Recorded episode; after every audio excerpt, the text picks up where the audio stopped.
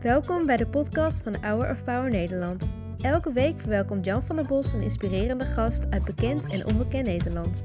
We luisteren hier wekelijks een nieuw interview.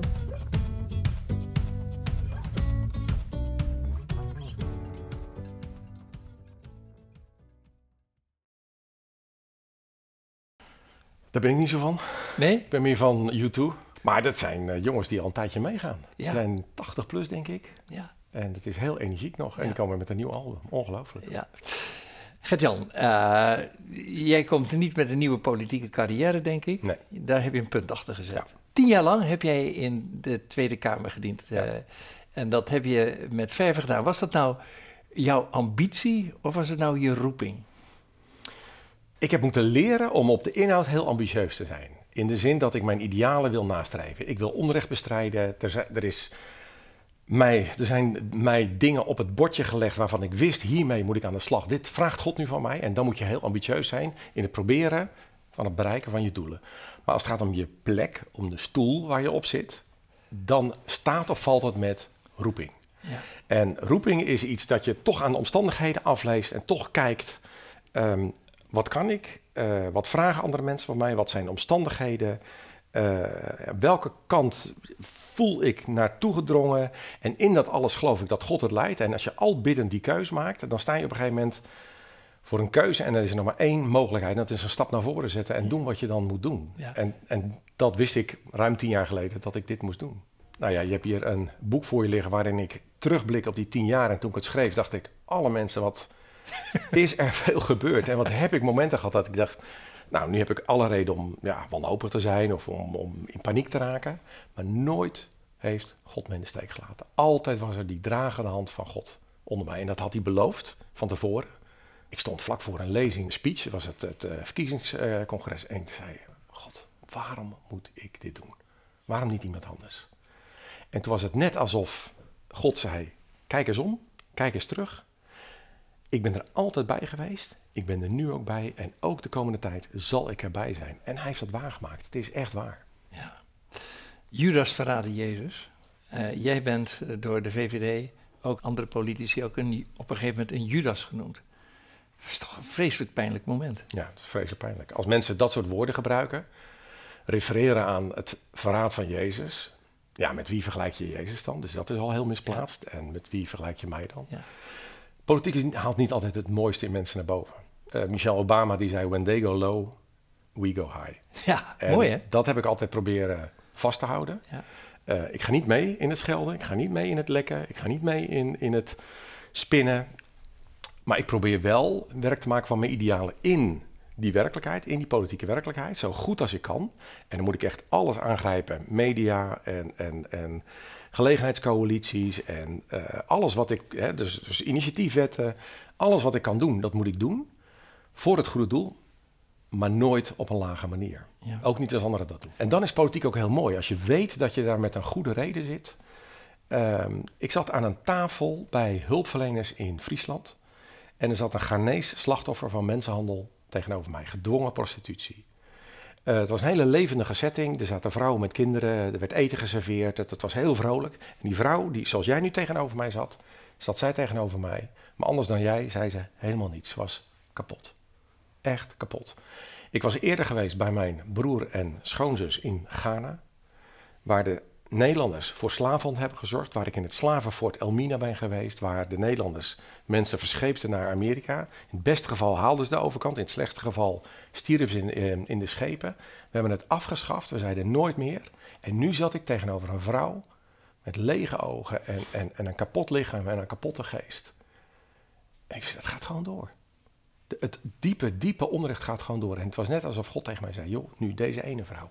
Zou jij voor haar daar willen zijn? Zou jij aan de slag willen gaan? En dan moet je handwerk oppakken. Dan moet je een initiatiefwet. En ik moest de PvdA overtuigen. Ik moest de SP overtuigen. Ik moest in de Tweede Kamer de meerderheid krijgen. In de Eerste Kamer de meerderheid. Ik ben naar Pauw en Witteman geweest. En, en debatten gevoerd waarin mensen mij ook hebben uitgescholden. En, maar als- als je weet, ik doe dit voor, voor die vrouw. Dan kun je een scheldpartij ook wel hebben. Dan Ja. denk je, ach, het zal. Joost zegt, wie één mensenleven heeft gered, heeft de mensheid gered. Ja. Ja. Ja. Zullen we eens even kijken naar een compilatie over jouw politieke carrière? Dat is goed. Waarom bent u geschikt als Kamerlid? Oeh, moet ik dat echt zelf zeggen? Mijn naam is Gertjan Zegers. Ik ben getrouwd met Rianne en we hebben drie dochters. Nu moet hun vader ook de eed afleggen. En daarmee zegt hij... Ik vraag God om mij te helpen. Is dat dan nodig? Ja, dat heb ik absoluut nodig. Ik kan mij geen leven voorstellen zonder God. Ik geef een ontzettende knal omdat ik onvrijheid haat. En omdat ik met jullie mee wil knokken voor vrijheid van vrouwen. Gaat-ie. Helemaal goed, Gertjan. Ga alsjeblieft de gang die je moet gaan. Zegers volgt Arie Slob op. En als hoopvolle realist geloof ik dat kwaad uiteindelijk geen toekomst heeft.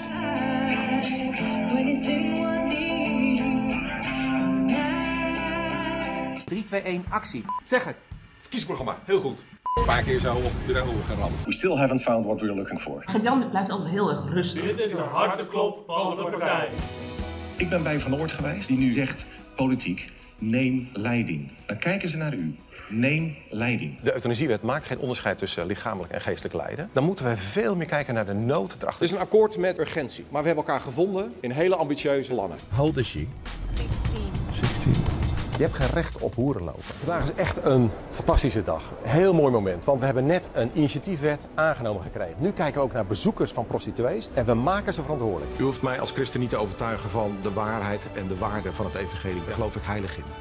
Maar als vrijheid, als je dat lief is, als je dat ontvangt, als je daarvan geniet als dat iets moois is, dan geef je ook vrijheid aan anderen. Ook als ze jouw geloofsovertuiging niet delen. En dat is een vrijheid die zo sterk is, die veel sterker is dan welke dwang en welke dreiging dan ook. En die vrijheid verdedig ik. Punt. Dank u.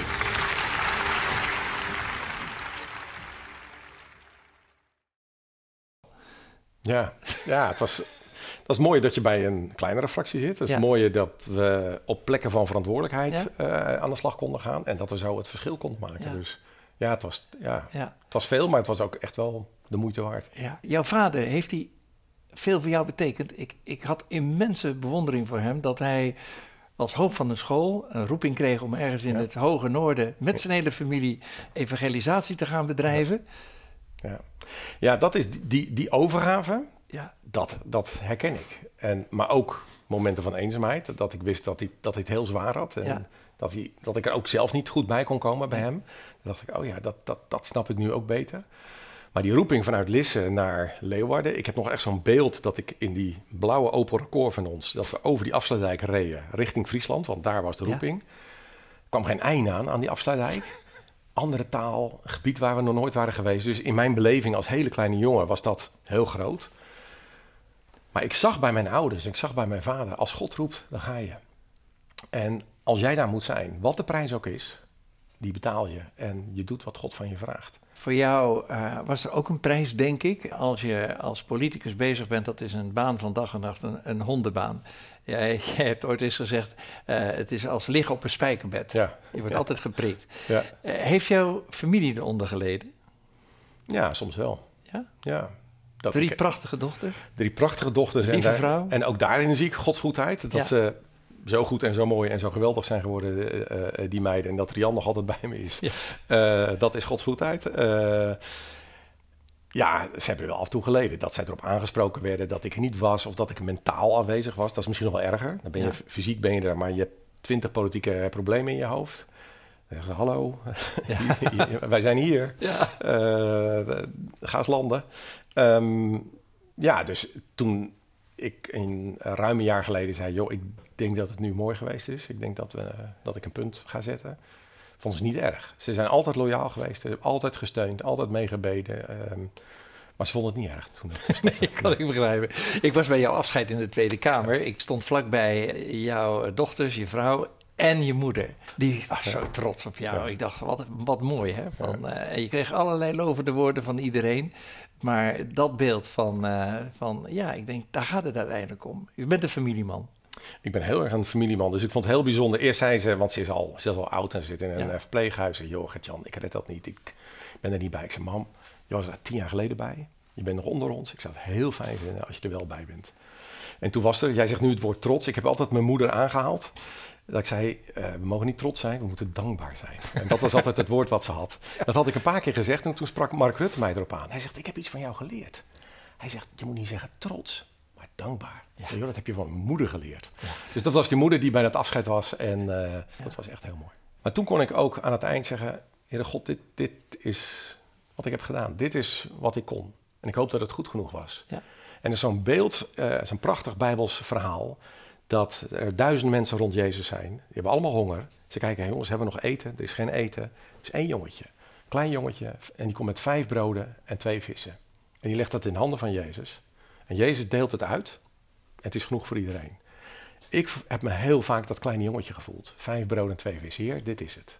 Um, ik, ah, was, beeld, ik, ik, was niet zo bijzonder. Ik was niet zo speciaal. Ik, ik, ik, ik ben door omstandigheden op die stoel terechtgekomen.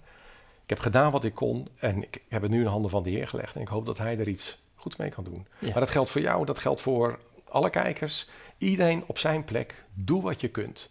Wees gevoelig voor dat wat God van je vraagt. En geef dan alles wat je hebt. Ook al is dat vijf broden en twee vissen, een heel klein beetje. God kan er iets heel moois en heel goeds mee doen. Ja. In het afgelopen half jaar ben je begonnen met schrijven en daar is dit boek uitgekomen. Het heet Macht en Onmacht. Ja. Politicus in een verdeeld land. Ja. Dit, dit raakte mij wel. Hè? Ja, we zijn, het blijkt moeilijk voor ons, uh, voor politici, maar ook voor mensen in de samenleving, om geduld met elkaar te hebben, om het met elkaar uit te houden. Uh, mensen rennen naar hun eigen gelijk, uh, veroordelen met andere mensen snel. Zeker de coronatijd heeft echt, echt iets met ons gedaan. Er is een, een verdeeldheid gekomen en ja, ook een, een wrokkigheid die ons niet goed doet. Waar ik ook mee te maken heb, waar ik soms ook onderdeel van ben. Dat ik soms zelf wrokkig ben. Ja. En toch moeten we elkaar weer zoeken. Toch moeten we weer op zoek naar elkaar. Om van verdeeld naar één. Gaat dat nog lukken? Ja. Um, zeker als wij onze identiteit vinden in God. Zeker als we, uh, nou ja, nu een kudde die enigszins verdeeld is. Als we echt weer naar de herder toe gaan, dan, dan, dan zijn we zeker één. Maar als we elkaar opzoeken, elkaar in de ogen kijken, aan een tafel als deze, het gesprek weer zoeken, ook als we heel anders zijn, ja. niet te snel oordelen, niet te snel boos zijn, heb iets meer geduld met elkaar en zoek de ander, ja, dan kunnen we elkaar echt weer vinden. Mooi, uh, Wat zijn de drie speerpunten van dit boek? Um, ik heb teruggeblikt op uh, hoe Nederland veranderd is. Ja. Verdeeld land. Wat is nou de hoop? Wat is dan de hoop van Nederland? Ik heb ook gekeken naar hoe is de politiek veranderd. Het is hectischer geworden, het is harder geworden, het is persoonlijker geworden. Hoe kan dat weer veranderen? Hoe zou dat weer anders kunnen? Hoe kunnen we de vaardigheid die we altijd hebben gehad in dit land, we zijn een land van de polder, um, hoe kunnen we elkaar weer vinden? Hoe kunnen we weer blijven samenwerken? Geduld met elkaar hebben. En het is ook een verslag, ja, hoe ben ik zelf veranderd? Ik ben die jongen die ooit in Friesland opgroeide, in de Griffmiddengemeente, vader, moeder als evangelistenpaar. Uh, ja, hoe ben ik aan een tafel van de macht gekomen in Den Haag en nu weer weg? Maar wat heeft dat met mij gedaan? Hoe, hoe ben ik zelf anders in, in, in die samenleving, in die wereld gaan staan? Uh, en ik hoop dat mensen het snappen. Uh, ik hoop mensen er iets van leren, af en toe glimlachen. Maar vooral ook zien dat, en dan niet alleen ik, maar dat geldt voor bijna al mijn collega's, dat er heel veel hardwerkende mensen zijn. Ook als je niet met ze eens bent, heel veel hardwerkende mensen zijn die oprecht hun best doen om dit land te dienen en elkaar te dienen. Dus het is een, een, een de, de, gordijnen gaan een klein beetje opzij in Den Haag en zeggen, joh, dit is wat er gebeurt. Ja, het is net uit, je boek. Uh, ik vond je verrassend openhartig. Ja. Nou, ik wilde wel. Nou, zo. ja, ik wilde, wat ik niet wilde, is oude rekeningen verheffen. Ja. Dan zeg je, joh, ik heb met die nog een appeltje te schillen en met die nog. Ja, dat, gebeurt vaak. En dat gebeurt vaak. En dat moet je niet doen. En ik dacht, als ik oordeel, moet ik harder over mezelf oordelen dan over anderen. Dus ik wil een eerlijk boek schrijven. Dus het, het, ik kan het alleen maar schrijven als het... Het is alleen maar interessant als het ook echt eerlijk is. Van, joh, dit, dit, dit is echt wat ik te delen heb. En ja, dat waren mijn, mijn, de gedachten die ik in mijn hoofd had toen ik het schreef. En uh, ja, dus ik hoop dat het inzicht biedt. Ja, nou dat doet het zeker. En uh, gefeliciteerd met uh, dit boek. Gert-Jan, wat is je droom? Ik heb het gevoel, de gedachte dat er nog een roeping gaat komen. En ik weet nog niet wat het is. Zoals mijn vader die afsluitdijken overreed en wist, ik moet in Friesland ja. zijn. Zoals ik naar Den Haag ging en wist, nou nu moet ik daar ja. zijn. Zo zal er weer iets komen waarvan ik, oké, okay, maar dan moet ik nu dit ja. gaan doen. En dan ga ik dat doen. Ik vraag je nog één ding. Je hebt heel vaak in de camera's gekeken. Als de journalisten weer op je afstormden met, met 25 microfoons en uh, weer prikkelende vragen stelden. Als jij nou naar dit verdeelde land een boodschap hebt en in de camera kijkt, hmm. wat zeg je dan tegen het verdeelde Nederland? Dan zeg ik, lieve mensen, wij zijn allemaal gebroken mensen. We zijn allemaal kwetsbare mensen. Wij zijn allemaal mensen met fouten. En soms zien we dat beter bij anderen dan bij onszelf. Maar als we nou weten wie we zelf zijn, dan kunnen we ook wat genadevoller, wat genadiger naar anderen kijken. Is er nou iemand waar je echt moeite mee hebt? Is er nou iets wat je echt dwars zit? We zeggen, krop het niet op. Wees daar niet blijvend boos over. Maar zoek die ander. Overbrug die kloof. En zorg dat we niet een verdeeld land zijn, maar een geheeld land. En zoek God. Dat is mijn hartelijke wens. Um, hij is een vader die altijd vergeeft. Dus ook als wij elkaar niet zo goed kunnen vergeven, is er altijd nog een God die vergeeft. Dus zoek het ook bij hem. Heel hartelijk dank. Ik ga je niet met lege handen naar huis sturen. Voordat ik hem aan je overhandig, welke spreek jou het meest aan? Geliefd. Dat is ook het thema van Our Power. Je bent een geliefd. Je bent een geliefd kind. Dat is het wonder, ja. Mag ik het aan je heel, heel erg bedankt. Dank je wel. Jan, dankjewel voor dit gesprek. Ik heb ervan genoten. Ik denk een politicus interviewer, dat is toch wel het zwaarste wat er is voor een interviewer. Viel mee. Viel mee. nou, wat mooi. Even niet. Dankjewel. dankjewel. Alle goed. Bedankt voor het luisteren naar het interview van deze week. We hopen dat dit verhaal jou heeft bemoedigd. Wil je meer weten over Hour of Power of andere interviews bekijken? Ga dan naar www.hourofpower.nl